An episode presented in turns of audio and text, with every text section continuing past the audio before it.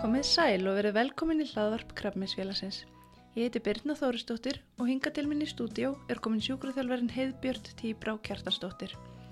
Heiðbjörn heldur fyrirlestur um físiofló eða reyfiflæði hjá Krabminsfélaginu núna á miðvíkudaginn 15. januar kl. 12 í hátteginu og öllum er velkomið að koma eða hlusta í streymisveitu Krabminsfélagsins.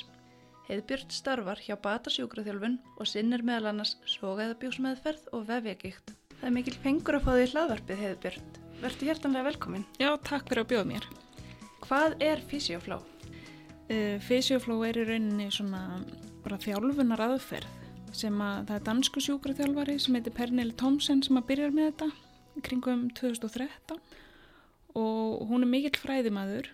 Hún er, hefur mikið, hún er bæ, bæði verið að kenna við háskólan úti og hérna í meðferðaðali og verið að kafa mikið svona um bandvið og fassjur. Og þetta er svona hennar nálgun til þess að lúasa um bandvið þannig að fólk hófi betri líðan og eiginlega þróa þessa svona þjálfunar að þeirra, svona reyfi tegjur.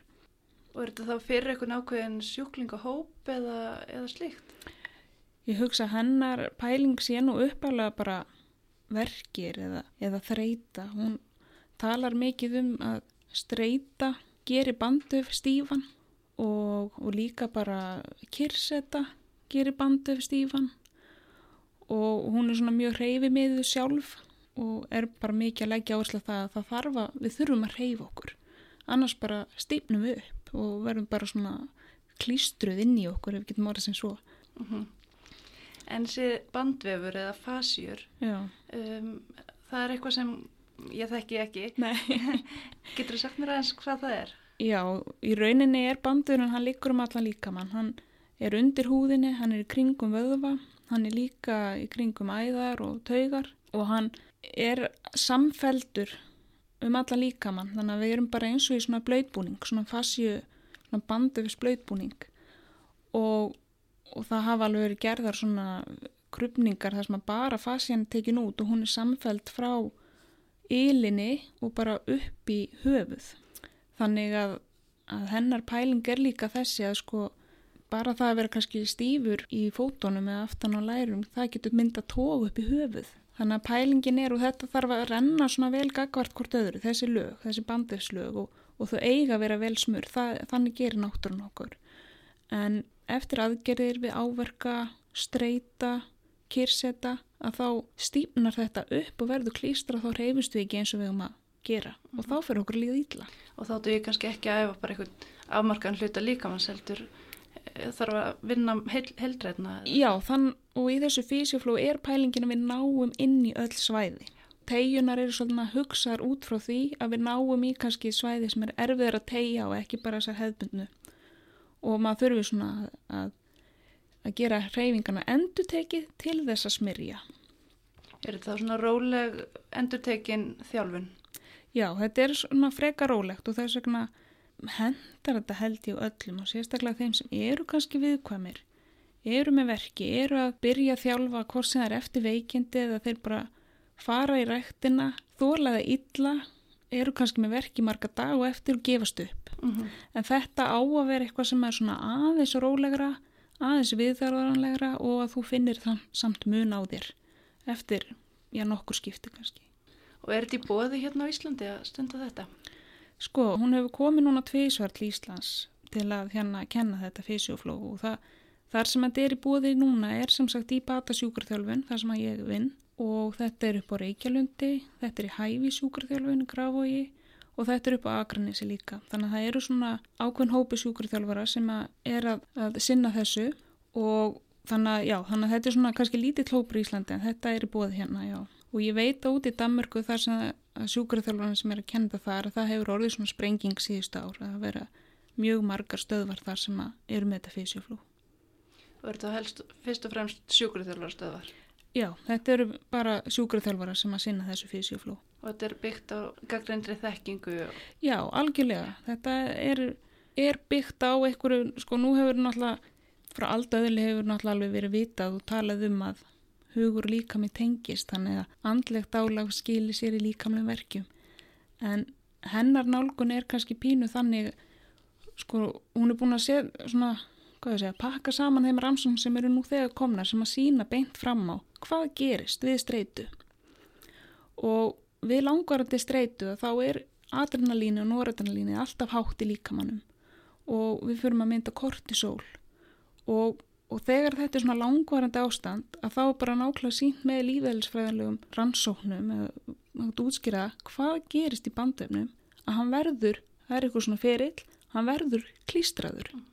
Þannig að þetta er ekki bara lengur eitthvað sem er sagt að tengist, það er bara nákvæmlega að útskýra hvernig tengist streyta og verkir í líkamannum. Mjög áhugavert. En nú veit ég að þú hefur svona tónlistar bakgrunn tónlistakennari og hvernig kom það til að þú svo í sjúkraþjálfin og kannski í svona endurhefingar mál? Já, það er kannski, það er góð spurning. Það er hérna, já, þó tónlistin hafi, þó ég hafi nú alltaf verið kannski eitthvað svona meira eða minn í henni, þá hérna bara held ég hafi nú alltaf haft mikinn áhuga á svona líkamannum og hvernig hann virkar og það má segja kannski að var ekki fyrir að mamma var að vinna upp á landspítala á sjúkraþjálfurinn deildin, hún er sjúkraliði sem sagt, en var að vinna með sjúkraþjálfurum og þá einhvern veginn uppgötaði hvað þeir voru að gera og á hvað þess vegna fær þetta fag. Þannig að það er svona spítala endurhæfingin sem heitlaði mig uppaflega og það er þess vegna sem ég fyrir þetta ná. Skemmtilegt, og fórstu beint þá í endurhæfingamál? Já, ég var að vinna frá því útskrifast 2006, þá var ég að vinna upp á landspítala til, já svona 2013 og það er óbúslega gaman að vinna á spítala, ég, mér finnst það. Svo einhvern veginn bara samt svona varði ykkur þróun og ég fór tímabundið upp á Reykjavlund og en núna síðust ár hefur verið í batasjúkurþjálfun. Það sem ég er að sinna, já, konum með sogaðabjú eða fólki með sogaðabjú og líka mikið bara fólki með vefjagikt. Einhvern veginn fer maður ósýlrátt inn á einhverja línu og að því maður kannski er í þessum pælingum hvað maður getur gert með reyfingu að þá einhvern veginn ósýlrátt fer maður er maður komið með einhvern hóp sem maður getur sínt. Já, akkurat. En hver lærður þetta fysiofló? Það er sett þessi danski súkurþjálfari. Hún kom til Íslands með námskeið og ég fer á fyrst á námskeið til hennar hérna fyrir nokkur árum. Og heitlaðis bara af þessu? Já, þannig er náttúrulega pælingin svolítið að ge gera eitthvað reyfingu sem hendar þér. Reyfingu sem að getur, þú getur svona stjórnað svolítið sjálfur. Þannig er ekki verið að lifta miklu þingdum og þú þarf ekki að fara í eitthvað, eitthvað rosa kröftuga þjálfun. Það þarf fyrst og fremst að reyfa líkamann. Það er kannski svona grunnpælingin. Mm -hmm. Og af því að nú kannski þegar fólk er komið verki og komin eitthvað slæmast að líkamlega þá er nú oftast eitthvað álag líka á baki. Hvort sem að það er hvort sem það er bara streyta eða búið að vinna mikið versus að reyfa svo lítið og sofa illa, það er eitthvað sem er hann í grunninn og það þarf að finna feist og fremst eitthvað sem að reyfingu sem þið líður vel af Mm. og maður þarf líka bara að koma inn þessari hugsun að, að það þarf þetta jafnvæg í lífinu maður þarf að reyfa sig en maður þarf líka að kvíla sig Mm -hmm. og ég held svona í nútíma þjóðfélagi og sérstaklega í Íslandi þar sem við erum svona vinnusum að við gleymum að kvíla okkur líka maður þarf líka að fara í það sem við kalla svona rólegt ástand. Þegar hann er búin að vera hátt uppi og einbytta sér öllu daglega verkinu þá fara líka að fara í ró til að vinna úr öllu og þá slagnar líka á bandöfnum. Og önnur pæling sem er kannski svona ef við förum aðeins frá bandöfnum og í hérna það sem hún er líka fástið þessi danski sjúkriðalvari að það er bara hvað streyta, hvað áhrif streyta hefur á heilan í okkur.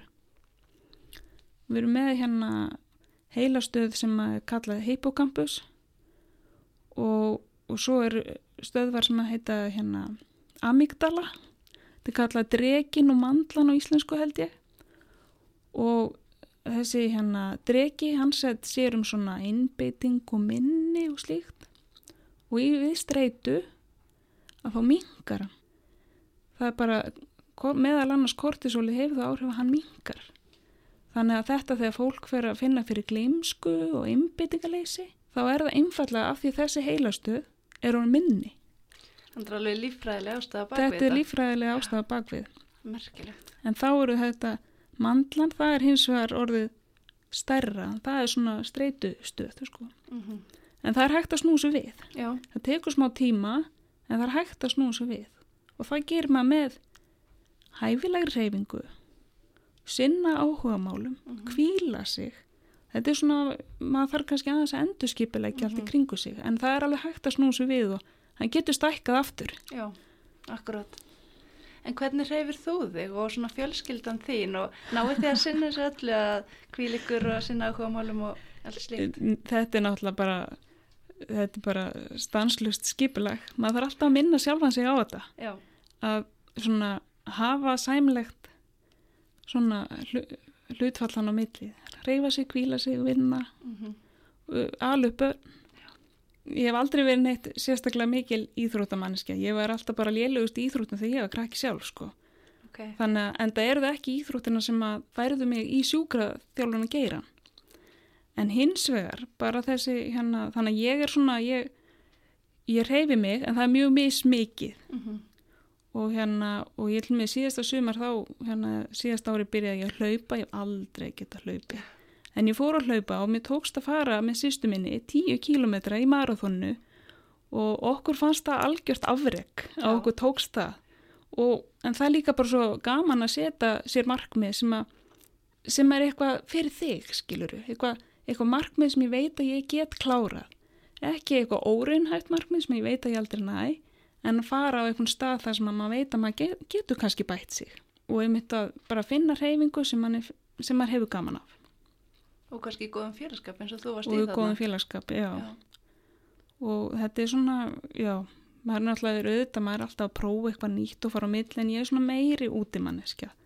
Fara út að hjóla eða út í gungutúra og svo kannski taka eitthvað inn í ræktin svona með. Mm og svo náttúrulega þetta fysjuflóa því ég verið að sinna því. Ég, bara, ég finn það á sjálfur mér hvað mér finnst það gott. Ef að ég er hérna eins og ég vetra tíma þegar ég með þessa föstu tíma einsinu viku þá líður mér rosalega vel. Það er rosalega góð viðbóti annað sem ég geri. Já, það er frábært. Fá það út vinnu sinni líka. já einmitt, það er nú ekki verra sko. En börnin þín, hafa þau eitthvað að prófa þetta?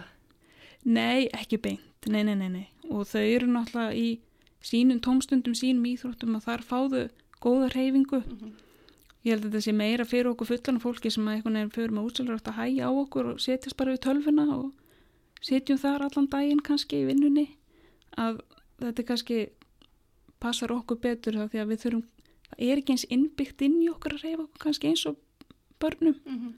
þannig að þannig fáum við svolítið að svona, já, taka út allar reyfingar. Maður þarf að lifta höndum upp fyrir höfuð að minnst okkur einu svona dag og bara svona breið út faðminn sko. Já, og maður fær það út úr þessu. Maður fær það út af þessu, já.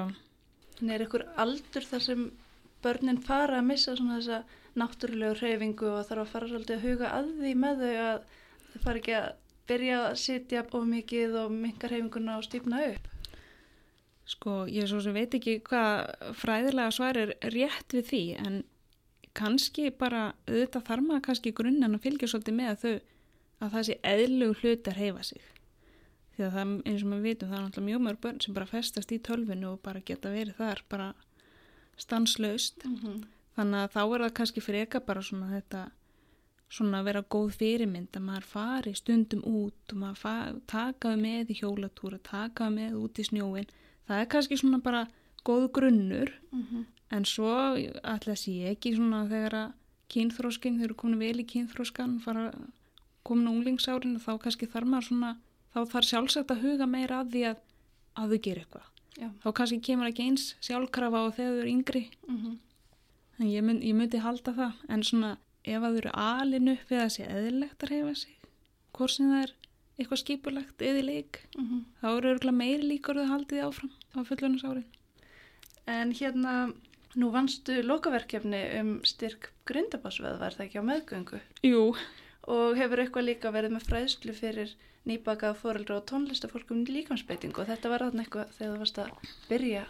já, Í sjúkraþjálfun? já, ég hef svona kannski, það hefur farið minna fyrir þess, en vissulega hérna hefur maður öðru hvoru verið að- sinna konum á meðgöngu sem eru með ykkur að kvilla eða eftir meðgöngu og eins af því að ég er nú svona nátengt þessum svona tónlistar áhuga þá hefur, hef ég öðru hvoru líka verið með fyrirlestu því tengdu Mm -hmm.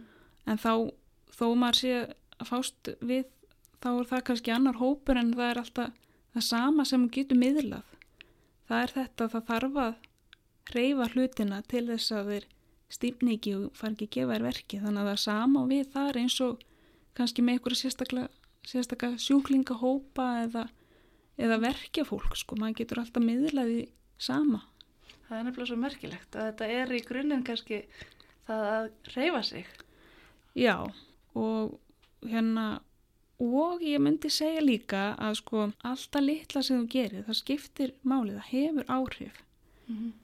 maður þarf ekki endilega eiga kortirektinni maður þarf ekki endilega hlaupi marathónu, maður þarf ekki að stefna að verða eitthvað vöðva búnt en maður þarf að reyfa sig Já, akkurat Þannig að þó að maður, hver og einn verður svolítið að finna hvar mörkin líka og hvað þú hefur gaman af, hvað þú þólir vel mm -hmm. og sinna því og vera bara ánað með þig. Akkurat.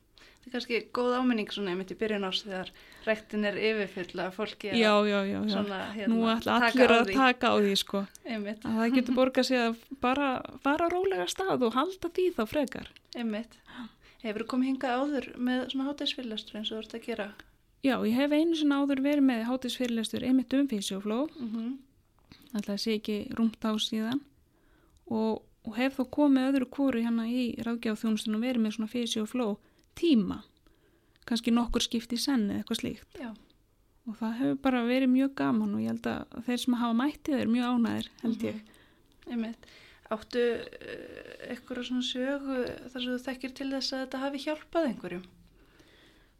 Svo sem ekki neina ákveðna sögu en einfallega náttúrulega fólki sem að ég kannski er að sinna í vinnunni finnst þetta mjög gott og margir hafa lístið að þeir svona fyrstalega finna mun á sér og ef það kemur kannski langt í jólafyrir eða eitthvað slíkt þá, þá styrna þeir upp mm og mhm. fara að hlakka til að mæta aftur það er eiginlega, það er alltaf mjög gaman að heyra það að þá finnur fólk að þetta eru góð áhrif Það er frábær meðmæli með þessu Já. Já. En þú talaði líka um það á þann að hérna, að maður þurfu líka að kvíla sig og Já. hérna dugir þá bara að henda sér frá framann sjónarpið í sófan. Er það kvildin sem þú ert að tala um? Það getur kannski stundum verið það, já. Stundum er bara alltaf að henda sér upp í sófa og það er lægi. Mm. En ef þú kannski glýmir við mikla streitu þá getur vel verið að það eitthvað annað sé betra. Og þeir sem eru kannski, það sem álæðið er mikið, kannski mikil vinna, mikið um að vera kannski hvað svo sem álæðið er, hvort sem það er fjölskylda eða börn eða eitthvað annað sem veldur streytunni að þá kannski þartu líka að finna bara veist, hvenar við hvað slakar þú á veist, mann þarf ekki endilega að fara í jóka sko, mm mann getur líka kannski þeir sem að þeim finnst gaman að prjóna þeir eiga að gera það. Mm -hmm. þeim, finnst, þeim sem finnst gaman að að dunda í gardinum, þeir eiga að gera það og eiga að gefa sér tíma í það. Þú veist, það kannski skiptir ekki öllu máli hvaða þeir en þar sem þú finnur góðaslögun að þú leiðið er að sinna því. Mm -hmm. öðru kóru og líka með þar helst að fara í svona slögunar ástand á hverjum degi fyrsta legi og líka nokkur sem yfir daginn ekki bara klokkan halv ellu á kvöldin mm. þegar maður ætlar að fara í rúmi því þá náttúrulega heilum bara yfir spentur og getur ekkert sofnað þannig að það er alltaf lagi að hafa þetta í huga að svona líka minn er í þessum sveiplum sko mm -hmm. og hann þarf stundum inn á mill að fara í slugunar ástand Akkurat og þú talar um jóka þá hérna út í það er svo gamalt jóka, það já, er eftir 5.000 ára saga já. svo er físjaflóðið svona alveg nýtt. En svo er þetta kannski að einhverju leiti eitthvað sameinlegt í þessu. Já, já, það er alveg eitthvað sameinlegt í þessu og það má segja kannski sumuleiti er þetta sem við erum að gera físjaflóð þetta er ekkert eitthvað glænýtt. Margt af þessu er bara svipað jóka, margt af þessu bara svipað og eitthvað aerobik mm. og svo tökum við líka alltaf slökun í lókin. Það er ekki að þetta sé svo eitthvað stórkoslega nýtt. Þetta er meira bara verið að nota það sem við vitum að virkar og, hérna, og búa til eitthvað smá prógrami kringu það. Mm -hmm. Kanski kosturum við þetta fram með jóka það sem að mér finnst sjálfur sko, er að það er ekki krafa um að þú komist í eitthvað svona ákveðna stöður eins og er kannski pín í jókanu heldur bara þú reyfið eins og þú reyfið þig hversu, þú veist, sumir eru náttúrulega styrðir, hvort sem það eru axlir mjöðmir eða hvað það er, skiptir einhver máli Mhm. en þú bara reyfir þetta eins og þú getur Mhm. þannig að það er svona það sem ég finnst svolítið svona frelsandi við þetta fysiofló versus jóka Mhm. Er notið tónlist eða eitthvað slíkt? Já, við erum alltaf með eitthvað tónlist því að það er bara skemmtilegra að reyfa sig taktu Já. tónlist Einmitt. Og er þetta eitthvað sem fólk getur svo líka stunda heima með YouTube-vídeóm eða eitthvað slíkt? Já, það eru einhver örf á YouTube eh, myndbönd inni sem að er þá hægt að kíkja á og hafa svona til hliðar en það er ekki mikið af því Mhm. en um leiður kannski búin að fara í þetta nokkur sinnum þá áttu nú svona nokkrar uppáhaldsreyfingar eða tegjur og, og maður á að nota það heima, gera sjálfur Einmitt. Þetta er hérna skemmtilegt að heyra. Er eitthvað sem þú vilt segja frá, eitthvað annað skemmtilegt? sko það er engin við erum bara í lífinu er, eru stanslösa sveiflur. Við erum aldrei held í þessu fullkomna jafnvægi. En bara svo lengi sem við kannski erum svona að reyna það Mhm. að finna jafnvægi og, og setja okkur mörg með hversu mikið þurfum við virkilega að vinna. Og að hérna ef við svona erum að reyna og þekkjum okkur sjálfu vel og vitum hvað við þólum mikið og þá bara þá er, er þetta gott sko Mhm. en við erum aldrei í hennu fullkomna jafnvægi en við erum bara alltaf að stefna og það er bara fín Einmitt. Svo er bara lífið alls konar. þannig er bara lífið, já, Einmitt. En svo ert þú líka hérna, vinnur sagt, með um, sógaðabjóðaks meðferð já, og hérna eitthvað með fólki er það ekki sem er í endurhefingu eftir greiningu krabbameins jú og taugasjúkra þjálfun. Ertu ekki með það núna? já, það er svona kannski alltaf í og með Já. Það er svolítið þannig þegar maður er að vinna á stofu eins og ég gerir núna þá maður, farir maður náttúrulega alls konar Einmitt. til sín og ég er alveg þar meðal með fólk með taugasjúkdóma og ég er mjög gaman að því líka Og er meðferðin bara alveg einstaklisbundin. hún er alltaf rúaslega einstaklingsbundin hvort sem að fólk er með krabbamein eða, eða sogaðabjú, vefjagikt eða taugasjúkdóma þetta er alltaf rúaslega einstaklingsbundi hvað er mest verið að vinna með Mm -hmm. hvort maður er yfir, en samt besta, best er að maður getur saminað æfingar og einhvers konar meðferð en það er bara óbúslega misjátt, mm Mhm. að segja Akkurat. Geta allir stunda físjofló? Já, Gott svar. ég fór einu sinni með smá kynningu til hérna félags hérna lúnasjúklinga og ég held að þetta hafi reyndar þessi stutti tími sem með fyrir þau ég held að hann hafi alveg verið erfið fyrir suma en þetta er þá bara spurningum að gera hægar, mm Akkurat. fara stýttra inn í reyfingunar. Mm Heiðbjörn heldur sér að hátegisfyrirlestur í húsnaði ráðgjafi þjónustu krabminsfélagsins í skóaliðinni miðvíkudaginn 15. janúar klukkan 12 til 12.50 og kynnar þar betur hugmyndafræði físjófló eða hreyfiflæðis. Ef áhugjur fyrir hendi verður vonandi búið upp á námskeiði kjölfarið. Endilega komið á fyrirlesturinn eða hlustið á hann í streymisveitunni á heimasíðun okkar krabb.is. Heiðbjörn gangi er vel og kæra þakkir fyrir skemmtlegt spjall. Takk fyrir.